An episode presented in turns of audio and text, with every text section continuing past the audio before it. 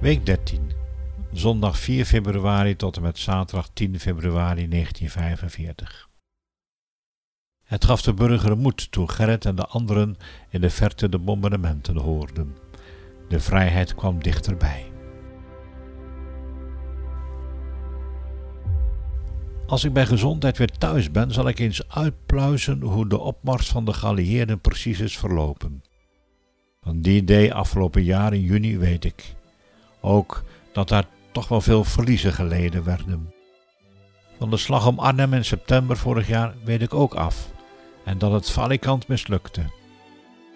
Maar hoe het daarna is verlopen weet ik in het geheel niet.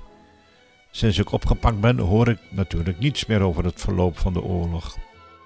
De overvliegende geallieerde vliegtuigen en de bombardementen, waarvan het geluid soms tot ons barakkenkamp doordringt, zijn onze enige nieuwsbrengers. Mooie klus om naar de oorlog uit te zoeken waarom alles zo traag verloopt. In deze periode is mijn zus Henny jarig. 18 jaar wordt ze. Ze is net een halfjaartje ouder dan mijn Tini. Ik denk dat de verjaardag van mijn zus in Huizen Hoefnagel nauwelijks of erg sober gevierd wordt. En dat is te begrijpen ook. De oudste zoon is weg, het is oorlog en vader kan zijn beroep als visserman niet uitvoeren. Allemaal zaken waar een mens droevig van wordt. Ik zal in gedachten wel wat lekkers eten vanwege haar verjaardag. Wat een rare gedachten kan een mens opeens krijgen. We moeten het hier doen met hard brood en slappe soep en dan ga je denken aan lekker eten. Ja, misschien juist omdat je zo weinig en zo sober te eten krijgt, loopt het water je in de mond als je aan ander eten denkt. Over drie maanden ben ik jarig, schiet me te binnen. 22 word ik dan. Dan zal ik toch wel thuis zijn. Drie maanden. Het lijkt me een eeuwigheid, bij wijze van spreken dan. Ik vertelde al eerder dat in ons barakkenkamp meer nationaliteiten ondergebracht zijn. We hebben nauwelijks contact met de anderen en zij niet met ons.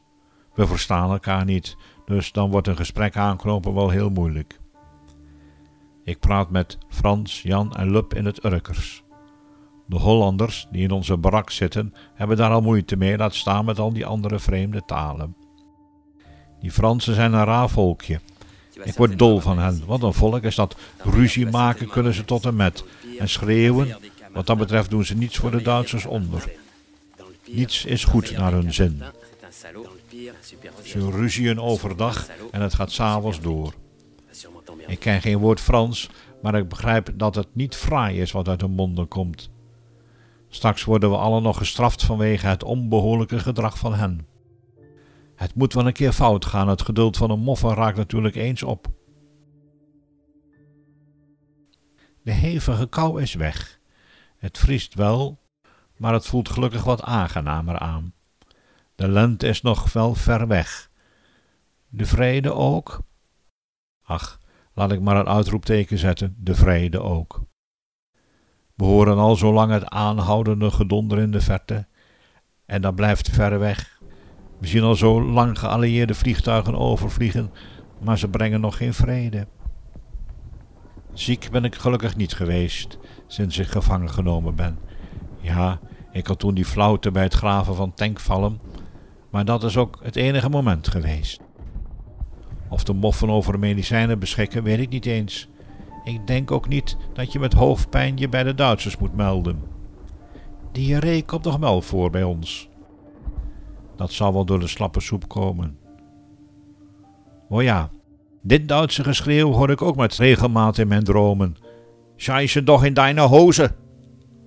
Met een bepaald ritme komt het terug in mijn dromen alsof het een lied is.